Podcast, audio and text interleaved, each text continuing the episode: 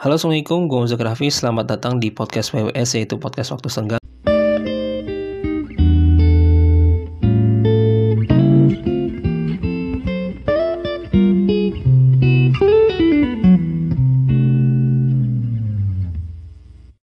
Jadi di episode kali ini gue bakal uh, bercerita tentang apa yang gue lakukan beberapa hari yang lalu atau minggu yang lalu ya. Jadi mungkin sebelum-sebelumnya gue pernah baca buku uh, tapi ya udah baca buku aja sekali gitu ya. Dan setelah selesai gue baru pindah ke bacaan yang lain gitu ya. Tapi gue kemarin sempat ngedengar kayak Warren Buffett aja itu baca bukunya yang Benjamin Graham tentang value investing itu beberapa kali gitu ya. Nah di situ gue mencoba untuk uh, beberapa kali mengulang baca buku satu buku aja gitu. Buku yang gue baca ini adalah Atomic Habit ya. Dan sebenarnya gue udah pernah selesai gitu ya satu buku itu. Buku ini sekitar 286 halaman kalau nggak salah. Dan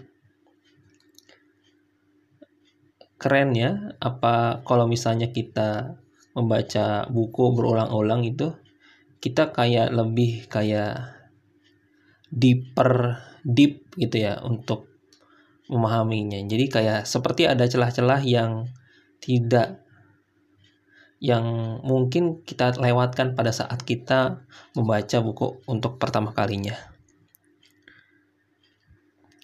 Seperti misalnya kita sudah uh, seperti kita biasa dalam membaca buku kan kalau misalnya non fiksi pada umumnya kita bakal uh, meng-shading atau meng-highlight bagian-bagian yang penting gitu ya ternyata setelah kita membaca ulang lagi, ulang, ulang, ulang dan berulang, itu ada bagian yang kecil yang atau bagian yang penting yang sebelumnya kita tidak highlight yang sebenarnya itu bagian yang bagus banget.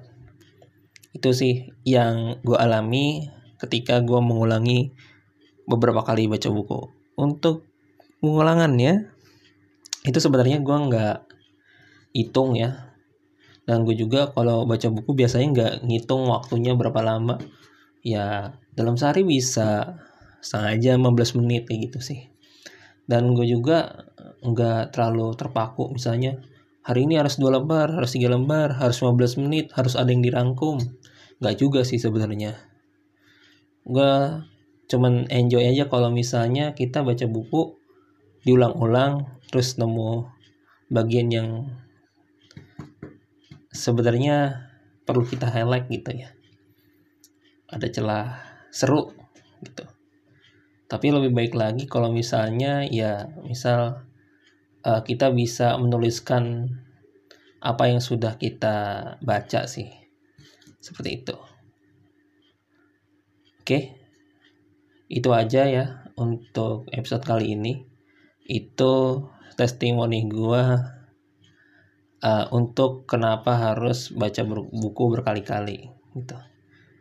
Biar ada uh, celah baru yang bisa kita dapatkan gitu. Terima kasih uh, telah mendengarkan episode podcast uh, ini. Saya kreatif and bye